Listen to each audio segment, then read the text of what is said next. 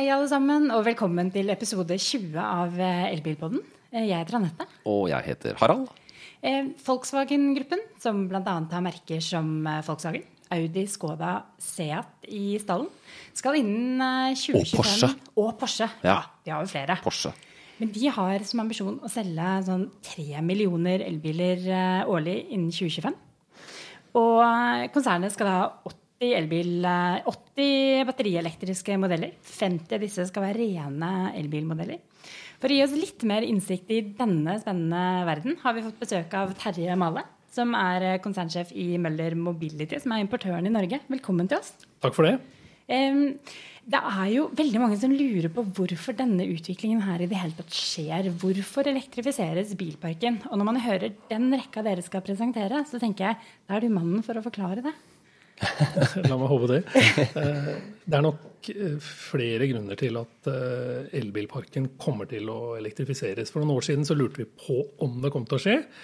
Nå er i hvert fall vi veldig sikre på at det er bare et tids, tidsspørsmål før brorparten av det volumet vi selger, kommer til å være elektrisk. Og det er også bare et tidsspørsmål før sto, en stor andel av det globale bilsalget kommer til å være elektrisk. Og det er noen veldig gode grunner til det. Um, sånn globalt så kan man vel si at der er det pisken som gjelder. Eh, fordi eh, FNs klimamål, eh, som også bilbransjen og bilindustrien må møte, forutsetter at man løfter nullutslippsbiler inn på markedet. Det er ikke mulig å nå de utslippsmålene som FN har sagt, og som bilbransjen må nå, uten å ha et stort innslag av nullutslippsbiler, som i første omgang trolig kommer til å være elektriske biler. I Norge så er det kanskje litt annerledes. Norge ligger veldig langt framme. Eh, og jeg vil jo si at det er et resultat av modig og fremtidsretta politikk. I Norge så har politikerne mulighet til å bruke avgiftsmuskelen til å stimulere til eh, salg av elektriske biler.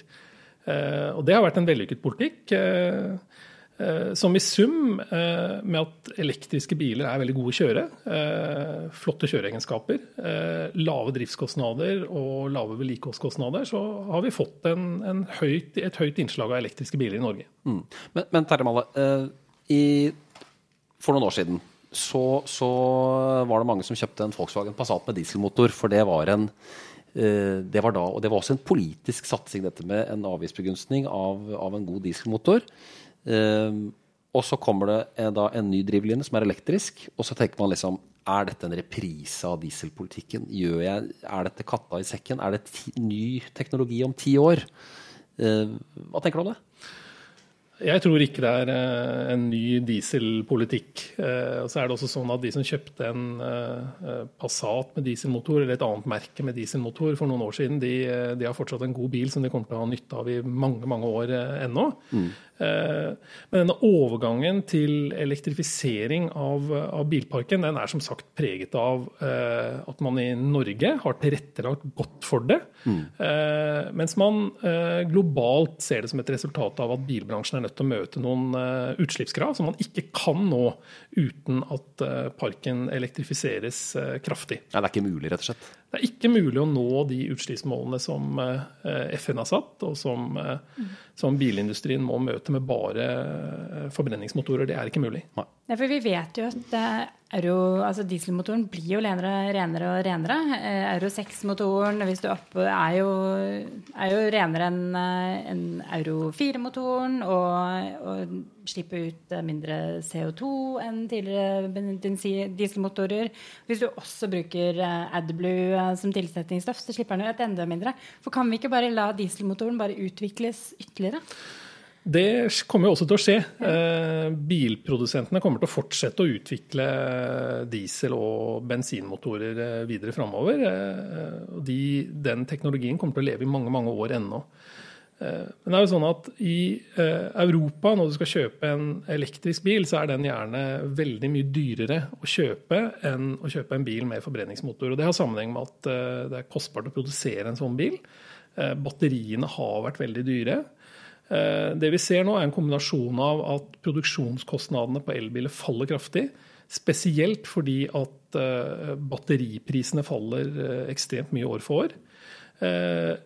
Og motsatsen er at det å lage renere og renere biler med forbrenningsmotor, det blir også dyrere og dyrere, for man må løfte på dyrere og dyrere rensesystemer. Mm. For å gi noen illustrasjoner på det, så er det sånn at uh, tungbilindustrien, lastebilindustrien, leverer i dag dieselmotorer som er nærmest partikkelutslippsfrie og, og, leverer veldig veldig godt på forbruk. Rensesystemet der koster like mye som en Volkswagen Polo. og Da sier det seg selv at det å putte den type rensesystemer inn i, i personbiler, det er ikke mulig. Så her har vi rett og slett en, eh, noen kurver som krysser hverandre. Det er, blir billigere og enklere å produsere elbiler. Og, og si, råvarene til elbilen blir billigere. Mens det å kunne holde tritt på en eh, forbrenningsmotor med strengere krav til rensing, det øker prisen. Det er en helt riktig fremstilling, og veldig mange som forsker på hvordan disse to kostnadskurvene kommer til å utvikle seg, spår jo at en gang rundt 2024-2025 eh, så kommer vi til å ha full prisparitet mellom en elektrisk bil og en eh, bil med forbrenningsmotor uten subsidier. Nettopp. Og Når det skjer, da er det ingen grunn til å velge en bil med forbrenningsmotor. Fordi en bil med elektrisk motor vet alle som har kjørt en sånn bil, har fantastisk gode kjøreegenskaper. Den er veldig mye billigere å fylle opp med energi, og den er vesentlig lavere kost å vedlikeholde. Mm, mm. Men mange av våre lyttere husker nok eh, fortsatt litt den nyhetsbomben som slapp i 2015 eh, eh, om utslippsjukset i, eh, i Volkswagen-konsernet. Hvor det da hadde blitt installert en, en ulovlig programvare som, eh, som, manipulerte utslippstallet. I hvilken grad har dieselskandalen egentlig vært eh, en pådriver for denne her store elektrifiseringssatsingen som vi nå hørte i, i introduksjonen? Ja, nå var Volkswagen-konsernet godt i gang med elektrifiseringsstrategien sin før denne dieselskandalen eh, inntraff. Og vi hadde populære modeller som e-Golf og e-up allerede på markedet hatt i flere år når dette skjedde. Eh, men det er jo helt klart at den, eh, denne saken som førte til en total omveltning i, i hele konsernet, ny ledelse, ny strategi, og ny retning, det har satt en voldsom fart på, på utviklingen. Eh, så om endemålet kanskje ikke har endret seg, så kommer det til å gå mye fortere for Volkswagen å gjøre denne omstillingen nå enn det eh, det hadde gjort om dette ikke hadde skjedd. Mm. Så Sånn sett så kan man jo kanskje si at for Volkswagen så kom det kanskje noe godt ut av denne dieselskandalen også. Men det er ikke noe tvil om at dette var dramatisk for Volkswagen, og kanskje, kanskje spesielt i, i, Tyskland, med både medieoppslag og ledelse som måtte gå, og da et enormt taktskifte for hele, hele konsernet. Altså, den saken var selvfølgelig dramatisk for uh, hele konsernet. Det sto en stund om konsernet kom til å overleve eller ikke. Ja. Og For å sette litt tall på det, dette er jo en enorm uh, virksomhet uh, med over 650 000 ansatte, pluss ansatte i alle underleverandører. Og en omsetning som er omtrent på størrelse med et norsk statsbudsjett. Så for Volkswagen eh, så var dette en kjempestor krise. Og for Tyskland og tysk bilindustri, tysk økonomi, så var dette også en, eh, en veldig stor påkjenning. Eh, og for renommeet til bransjen så var heller ikke dette bra. Hva tenker man om litt sånn bak kulissene, Terje Male, når man sitter i Norge som hva skal man si, lokal sjef, landssjef for et merke, og så skjer dette? Er det ikke fryktelig frustrerende? Det er som å oppleve at huset du har kjøpt, ikke har grunnmur. Eh, og det, det, er frustrerende. Ja, det var ærlig sagt. Mm. Eh, det blir litt sånn at eh, Vi lurte en stund på om typegodkjenningsdokumentene som lå til grunn for bilene vi solgte, faktisk fortsatt var gyldig. Eh, og det blir jo som å få utbetalt lønna di i falske sedler. Eh, så for oss som satt i Norge, langt fra dette, og representerte en privat, eh, familieeiet bilimportør, som har samarbeidet i åtte 80 år med dette konsernet og opplevd at de har vært eh, veldig rettskaffende, veldig skikkelig på all governance og legacy, så var dette, dette var noe vi ikke trodde kunne skje.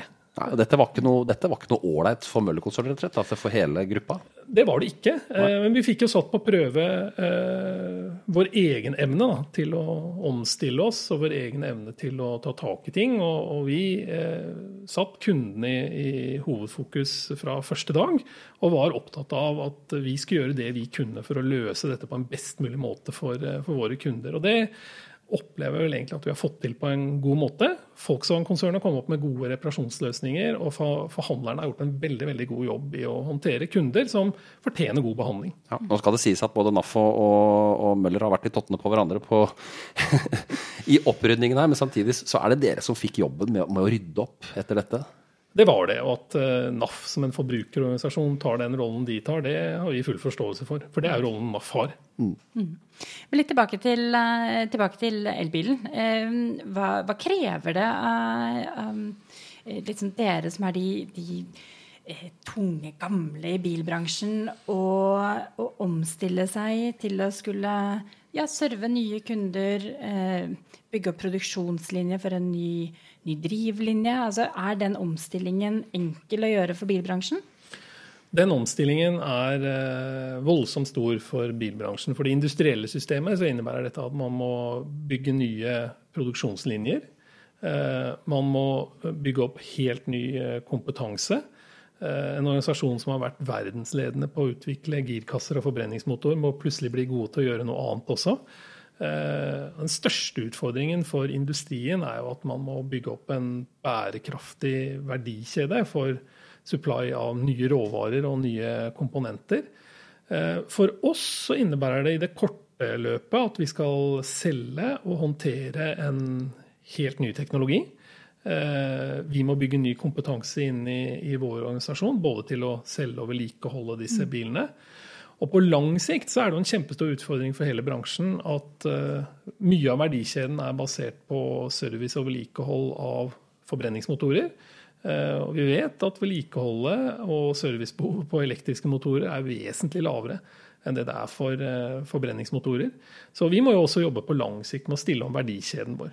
Ja, fordi Det er ikke noe tvil om at en forbrenningsmotor genererer mer penger i kassa i ettermarkedet, altså i service og vedlikehold og slike ting. I alle fall, sånn som vi ser det nå, så er det, det er vesentlig lavere vedlikeholdskostnader og helt andre serviceintervaller på en elektrisk bil enn det det er på en bil med forbrenningsmotor. Og Det sier seg selv når man ser på teknologien. En, eh, vi har ofte brukt internt en, en ligning på hvor mange bevegelige deler er det i en, uh, ja, en, en, en Golf med en te, moderne TFSI uh, bensinmotor?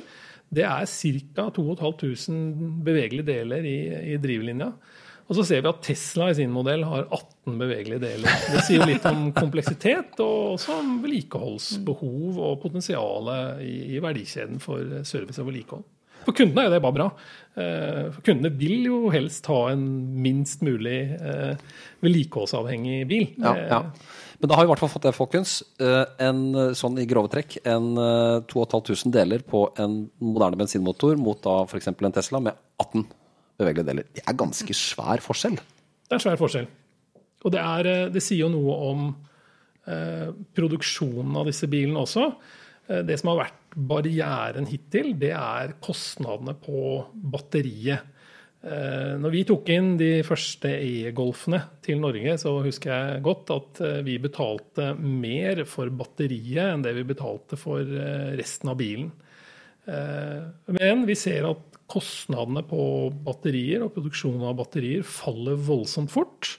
Og det kommer til å påvirke prisbildet på elektriske biler. Mm. Og igjen, når eh, det er prisparitet, eh, dvs. Si at en elektrisk bil ikke koster noe mer uten subsidier enn en bil med forbrenningsmotor, så er det egentlig ingen grunn til å velge noe annet enn en elektrisk bil. Nei. Men litt denne altså, holdbarhet på, på, batteri og hva man kan forvente seg, spesielt når det gjelder bruktbilmarkedet for, for elbiler, det er jo noe mange er nysgjerrig på. Vi har jo, så vi kan kanskje ikke helt sammenligne en brukt e-golf med en uh, brukt uh, gammel buddy. Nei, så, det går nok ikke. Så hva er, liksom, hva er deres erfaringer der, uh, med, spesielt med til de som sitter der ute og har lyst på en elbil og ser at de skal gå på Finn og kjøpe noe brukt nå? kommer batteriet til å holde i tre år til, eller? Jeg vurderer f.eks. en e-up som nummer to-bil. Erfaringen vi har så langt, da, er at holdbarheten på batteriene er veldig bra. Og eh, er, vi har også åtte års garanti på, på batteriene.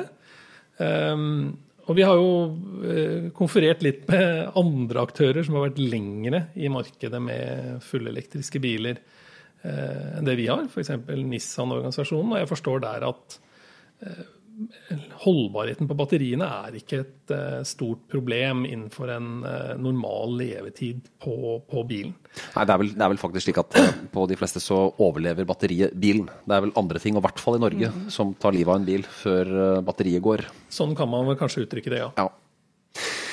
Vi må også stille deg Tesla-spørsmålet. Tesla som denne oppvigleren i bransjen og en produsent som, som ikke ikke har fossilteknologi, apparat og organisasjon bak seg som kan liksom gjøre som de vil med noe helt nytt. På hvilken måte har denne amerikanske tullingen fra California liksom eh, påvirket bilbransjen globalt? De ble jo ledd av i begynnelsen. Det ble de kanskje av enkelte kretser. Eh, jeg, si jeg syns ikke Tesla er noen tullinger. Eh, jeg syns de har fått til veldig mye bra på veldig kort tid. Mm. Det som utfordrer den eksisterende bransjen mest med Tesla, er ikke at de har en elektrisk drivlinje.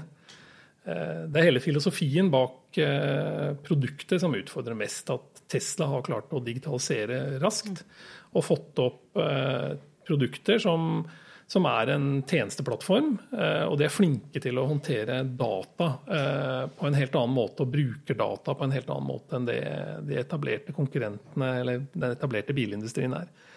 Og Det er nok den største utfordringen for eh, den etablerte industrien.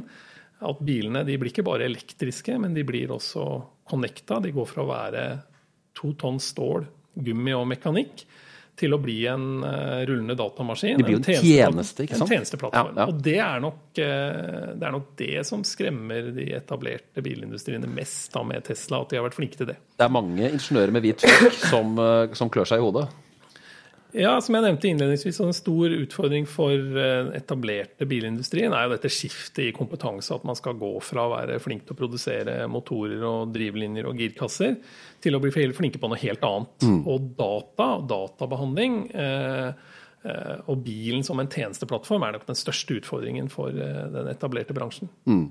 Jeg tenker jeg har ikke lyst til å forlate produksjonslinja helt før Nei, vi går over Den vil du gjerne vite mye om. Ja, jeg vil det. For det er jo noe av det vi vet eh, vi får mest spørsmål om. Det er hvor miljøvennlig er produksjonen av elbilen.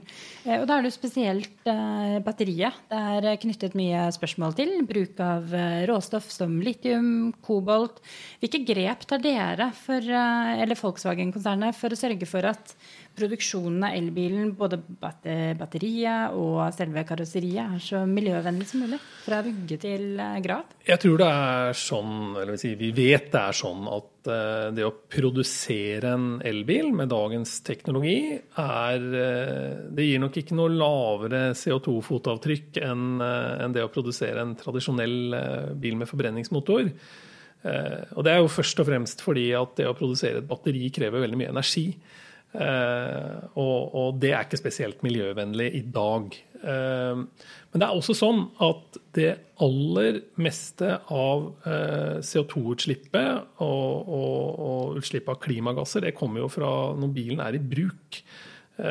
studier fra litt tilbake som Honda gjorde, indikerer at 85% av eh, utslippene fra en bil det skjer i bruk. Eh, og de siste 15% kommer fra, fra produksjon.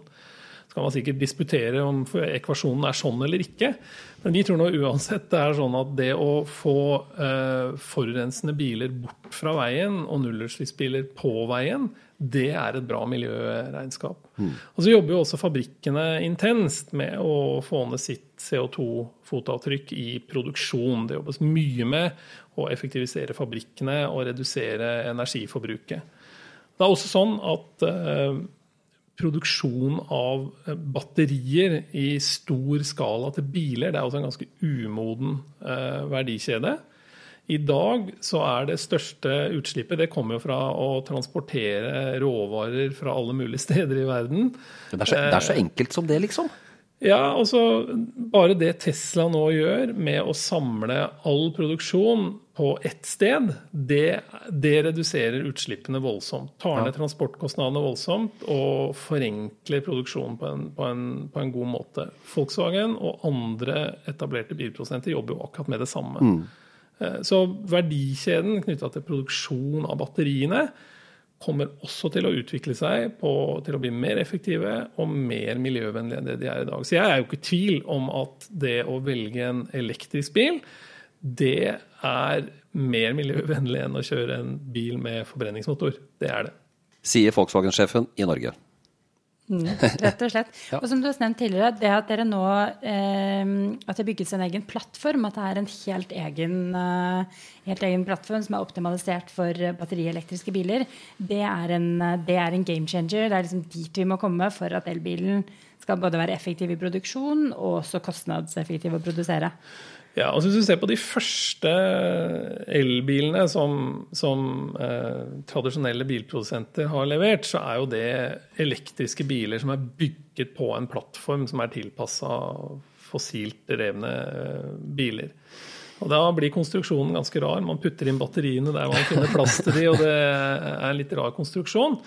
Eh, nye plattformer begynner jo med at man bygger bilen rundt et stort stort batteri. og Da kan man lage plattformer som er mye mer effektive og mye mer fleksible enn de gamle plattformene. Og Volkswagens eh, nye elbilplattform, som de kaller MEB-plattformen, den eh, er designa akkurat for det formålet. Den har to helt klare fordeler. For det første så er det da en, en, en plattform som ikke er bygget eh, på en gammel fossil plattform. Den er bygget for å være 100% elektrisk. Eh, og det øker for det andre da, så øker det fleksibiliteten dramatisk. Man kan bygge mange forskjellige biler, mange forskjellige varianter, fra kompaktbiler til SUV-er på den samme plattformen. Mye mer effektivt enn det man kunne tidligere. For Volkswagen investerer over 6 milliarder euro i å utvikle denne plattformen. Det er, mange, eh, det er, mange, fregatter, for å si det sånn. Det er et par fregatter, det er helt riktig. Eh, og vi tenker jo, og det sier fabrikken selv også, at denne endringen er vesentlig større for Volkswagen-konsernet enn å sprange fra luftkjølte til eh, vannavkjølte motorer. Ja, nettopp. Og spesielt når det gjelder merket Volkswagen, så er det jo en serie elbiler som kommer, som på en måte blir første eksempelet på denne plattformen. Og det er jo den ID-familien. Den må jeg si syns jeg ser litt råkul ut. Jeg syns den ser veldig du, kul ut. For den er litt futuristisk, og det er liksom kanskje noe av det jeg savnet, er at elbilene faktisk Vi ser at vi går inn i en ny tid. Ja. Smak er, eh, smaken er som baken, den er delt. Eh, men eh, men Volkswagen, der er det neste, det er neste modell som kommer. Det er ID-familien. Og Neo, er det det den første heter? Ja. Eh, ID-konseptet, som det hele dette, dette, konseptet heter, der, der har vi starta nedtellingen. Eh, og slutt av siste halvår neste år så kommer vi nok til å begynne å ta imot reservasjoner og bestillinger på Neo, som er den første bilen på, på, denne, på denne plattformen. Uh, og den vil, uh, Neo vil etterfølges av uh, flere biler. ID Cross blir den neste, som er en SUV som kommer knapt et år etterpå. og ID Buss, som er en, si, en sånn retro-design av den gamle T1-bussen. Ser fantastisk flott ut. Det er. Den kommer, den kommer i overgangen 2020-2021. og så er det som du nevnte, Anette, det kommer jo mange modeller fra Volkswagen-konsernet fram mot 2025-horisonten. Totalt 80 uh, eh, ulike uh, plattformer, uh, eller varianter, hvorav 50 av de er 100% elektriske. Og 30 er plug-in-hybrider med ganske lang rekkevidde. Vesentlig lengre rekkevidde enn det dagens plug-in-hybrider har. Ja. Jeg, med så så mange biler som dere planlegger nå, klar, kommer de? Vi, I 2017 sa vi at i 2018 skjer det. Og så skjer det ikke, liksom, det skjer ikke helt likevel. Uh, men Volkswagen er jo, det er jo litt mer ordnung i Tyskland enn sånn Tesla-tidsregning, som er at det kommer én gang, uh, og hvor man stadig har nye datoer. Kommer disse bilene på de datoene dere sier? Jeg bare får si det igjen. Jeg, jeg, jeg forstår eh, når jeg ser på utfordringene Volkswagen-konsernene har slitt med, og Tesla også har problemer med levering. fordi det er ganske mye som skal skje. Jeg nevnte til innledningsvis her, skal, Man skal bygge opp helt nye produksjonslinjer. Ja. Man skal få på plass helt ny kompetanse. Og ikke minst bygge da opp en, en bærekraftig verdikjede for supply av, av råvarer. Og det tar tid.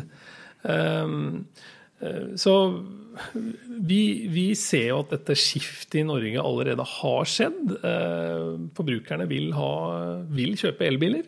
Og det er eh, lang kø på å få tak i elbiler i dag.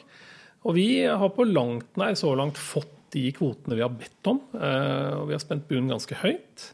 Nå ser vi at alle produsenter, eh, stort sett alle produsenter jobber intenst med å øke produksjonskapasiteten på elektriske biler. Og Neste år så vil vi lansere Audi E-tron. Eh, mm. Vi håper å kunne levere opp mot 9000 sånne biler. Det kommer ikke til å tømme køen, for det er flere som står i, ja. i kø.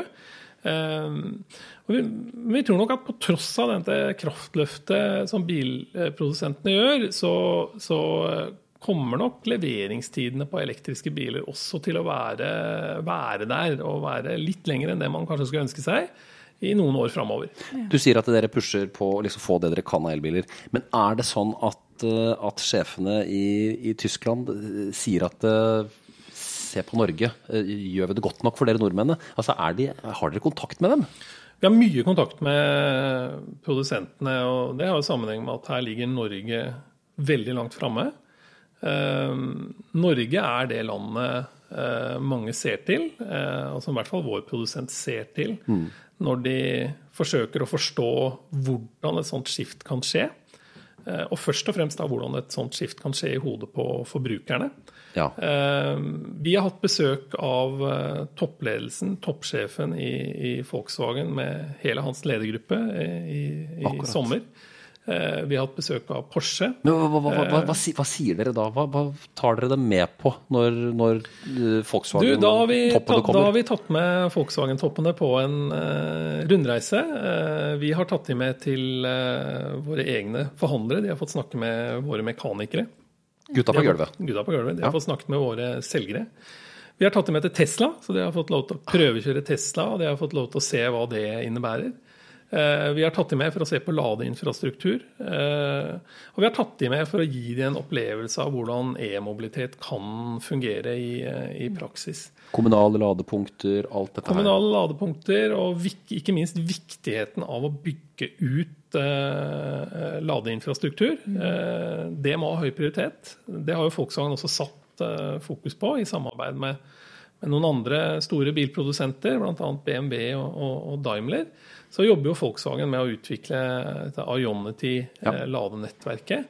Og der vil vi få de første hurtig, altså lynladerne som kan lade opp til eh, 350-500 kilowatt. kW. Mm. Eh, så der, der, med de laderne så står, jo, så står det ikke på kapasiteten på ladeinfrastrukturen, men på bilens evne til å ta imot, ja, ja. Eh, ta imot energi. Men er det sånn at tyske, de tyske toppene liksom, får liksom wow-faktor når de kommer til Norge og ser hvordan du, dette du, Det får de faktisk. Ja, de, det.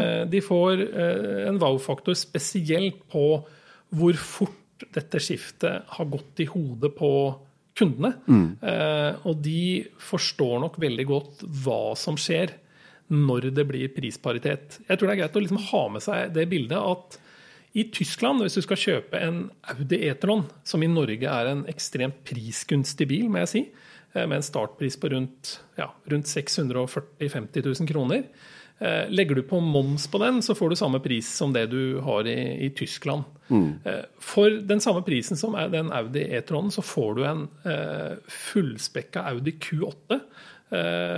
for en E-Golf så får du en, en fullspekka Audi RS3. ja. Så, så i, i, dag så har man jo ikke altså Produsentene har jo ikke sett hva som skjer i sine egne markeder, hjemmemarkeder, når du får prisparitet. Det har du sett i Norge.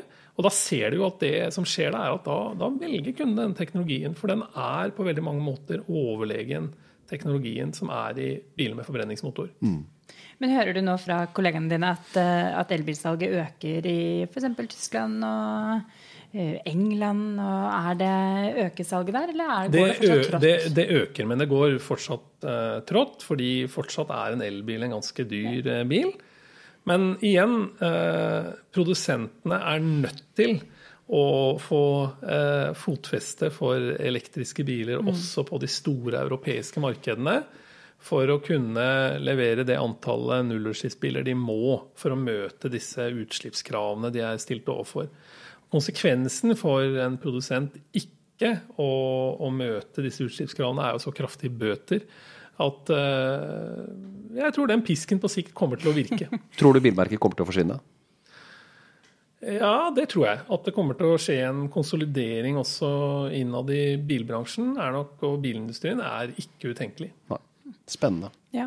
Du nevnte jo Audi E-tron eh, som kommer eh, til Norge neste år. Det er jo flere av merkene deres som får sine første elbiler nå neste år. Skoda, Skoda får sin første elbil. Og det gjør vel Seat, eh, lille spanske merket Seat også. Eh, Ja. Så det begynner å komme et litt bredere modellspekter for forbrukerne der ute, så kanskje alle kan finne en, eh, en bil for dem. Ja, vi, vi kommer med de første elektriske bilene på nyttekjøretøy eh, allerede nå. Vi har åpnet salget av eh, E-Crafter, som er den første eh, store varebilen med, Dette, er- dette er en stor varebil med, elektrisk, Ja. eh, med elektrisk drivlinje. Eh, neste år så kommer, vi også, kommer Volkswagen også til å utvikle en E-Caddy og en E-Transporter i samarbeid med ABT, som er en, eh, en tysk ombygger. Eh, og disse bilene de kommer vi til å begynne å selge, selge neste år. Eh, og de ble vist for første gang på Nyttkjøretøymessa i Hannover eh, tidligere i, eh, i år. Så kommer det også elbiler fra Skoda. Den første elbilen, Visjon E, den, som er den nye generasjonen elektriske biler, bygget på samme plattform som, som Volkswagen-modellene. Den, den kommer allerede i, i, i slutten av, av 2020. Eh, Den vil ha en rekkevidde på over 500 km. Liksom det, det blir jo litt standarden etter hvert? gjør Det blir standarden etter hvert. Eh, rekkevidde på rundt 500 km og eh, muligheter for å hurtiglade, sånn at du kan eh, på en hurtiglader lade opp bilen din relativt fort. Ennå ikke så fort som det du kan eh, fylle opp bilen med drivstoff. Men det gir jo en mulighet til å ta en liten pause da, og kjøpe seg en bolle og en kaffe. Eh, det går an å gjøre det også. Og Skoda, bare for å si litt mer om de, de vil tilby eh, ti elektriske biler i ulike segmenter eh, innen neste femårshorisonten. Og Seat kommer også med sin første bil omtrent samtidig med, med, med Skoda, og bygger de på samme plattform som resten av konsernet. Dette er ambisiøst. Ja.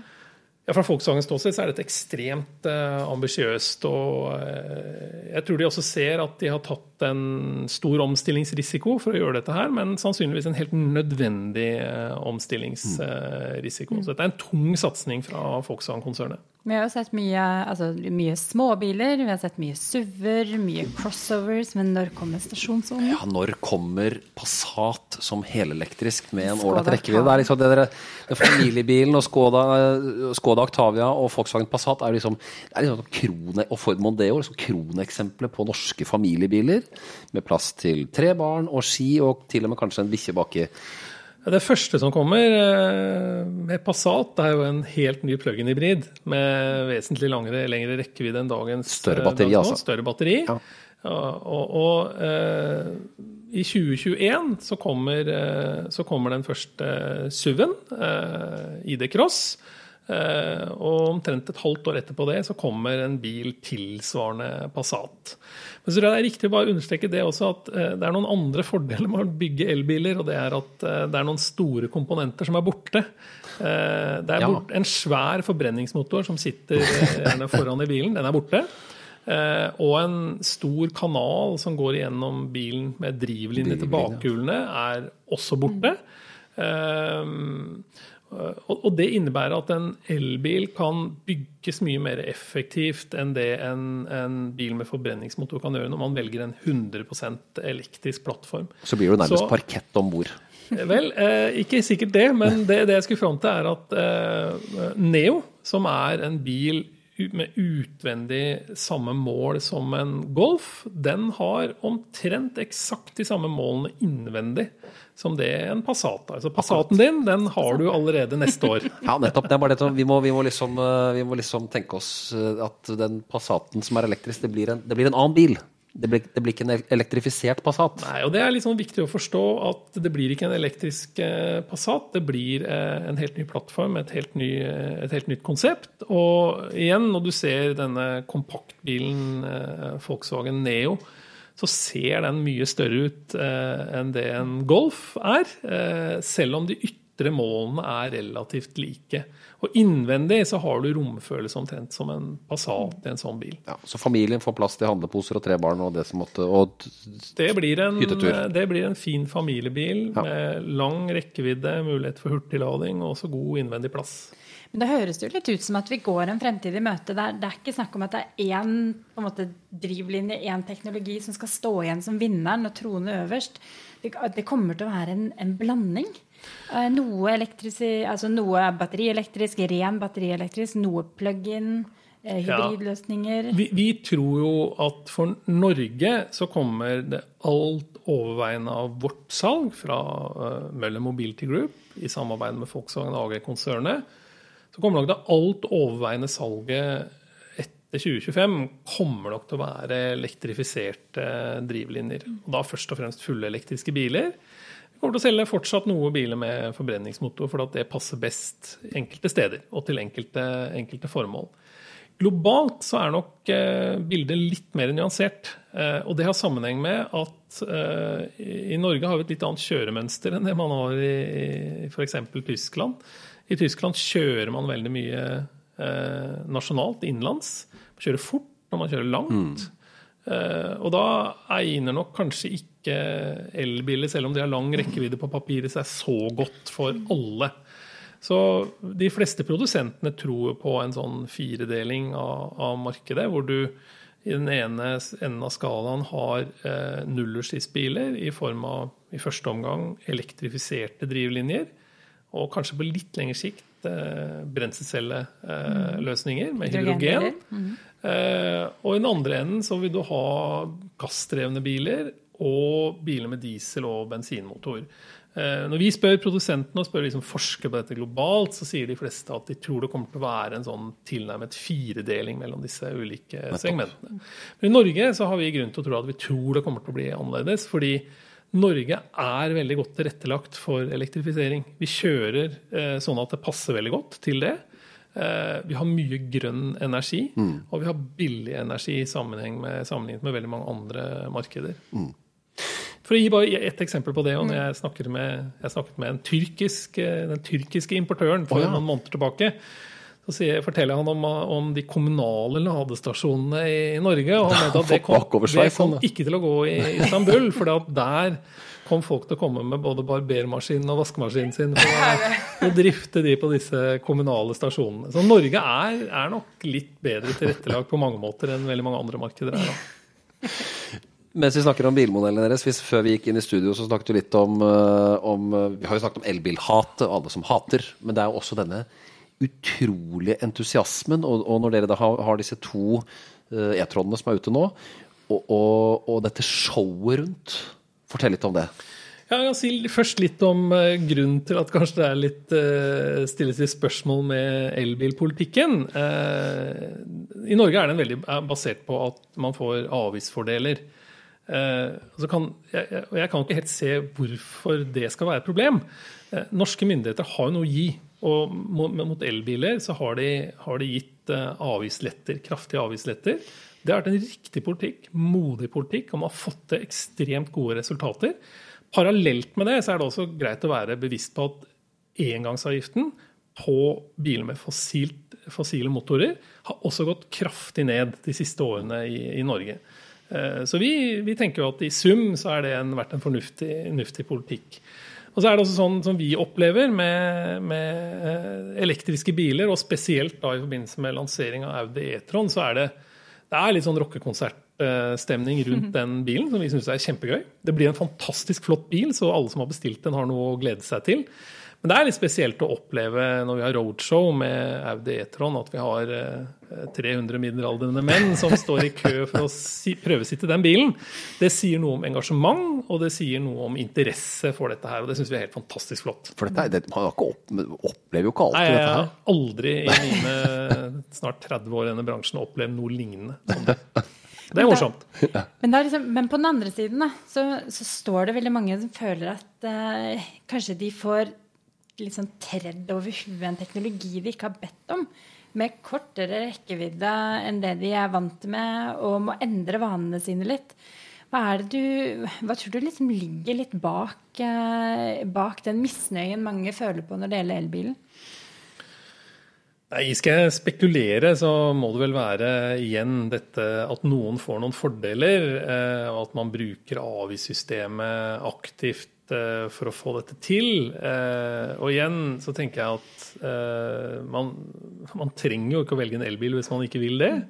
Eh, bor man i en by hvor det er bompenger og, og, og kjørebegrensninger, så vil jeg jo si at det er det er sterkt tilrådelig å gjøre det, fordi det er, det er smart økonomisk.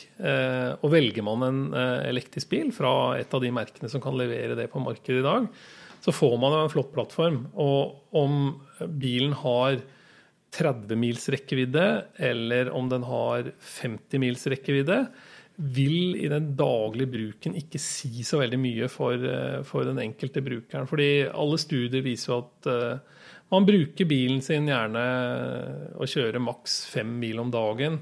Eh, Og det er maksimalt. Eh, Og så har man noen lengre helgeutflukter, og svært få av de er over 30 mil. Men blir da bil bare praktisk? Eller kan vi få den der kjøregleden eh, også i en elbil? Du har fantastisk mye kjøreglede i en elbil. Jeg tror Hvis du spør de som kjører en elbil i dag, så vil de si at det er, jeg har aldri opplevd en bil med så gode kjøreegenskaper. Den har lavt tyngdepunkt. Den har fullt dreiemoment fra første spadetak. Den er lydløs eh, og ekstremt agil å, kjøre. Så, så det, det skorter ikke på bilopplevelse og kjøreegenskaper i en elbil. Tvert om. Nei. Vi skal, Apropos rekkevidde. eh, det finnes jo da eh, tredjepartsleverandører av lading. Men vi ser jo nå at ja, Tesla har jo sitt eget ladenettverk. Og så vil Volkswagen sammen med noen andre produsenter også lage sitt eget ladenettverk. Fortell litt om det. Blir det mulig å kjøre Har man strekninger fra Oslo til Tromsø, eller hva det måtte være? Lager man nå et ladenettverk som skal tilpasses disse nyere elbilene? Ionity vi snakker om da, ikke sant? Ja, det jobbes, eh, det jobbes intenst med det. Og eh, de første ladestasjonene de er på plass allerede i løpet av dette året her.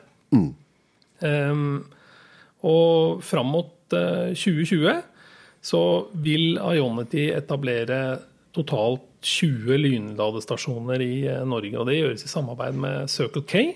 Um, og eh, det som er bra med disse ladestasjonene da, er jo at de, de, ligger, eh, de ligger sånn at du kan få eh, si, gode strekninger hvor du har tilgang på, på ladekapasitet.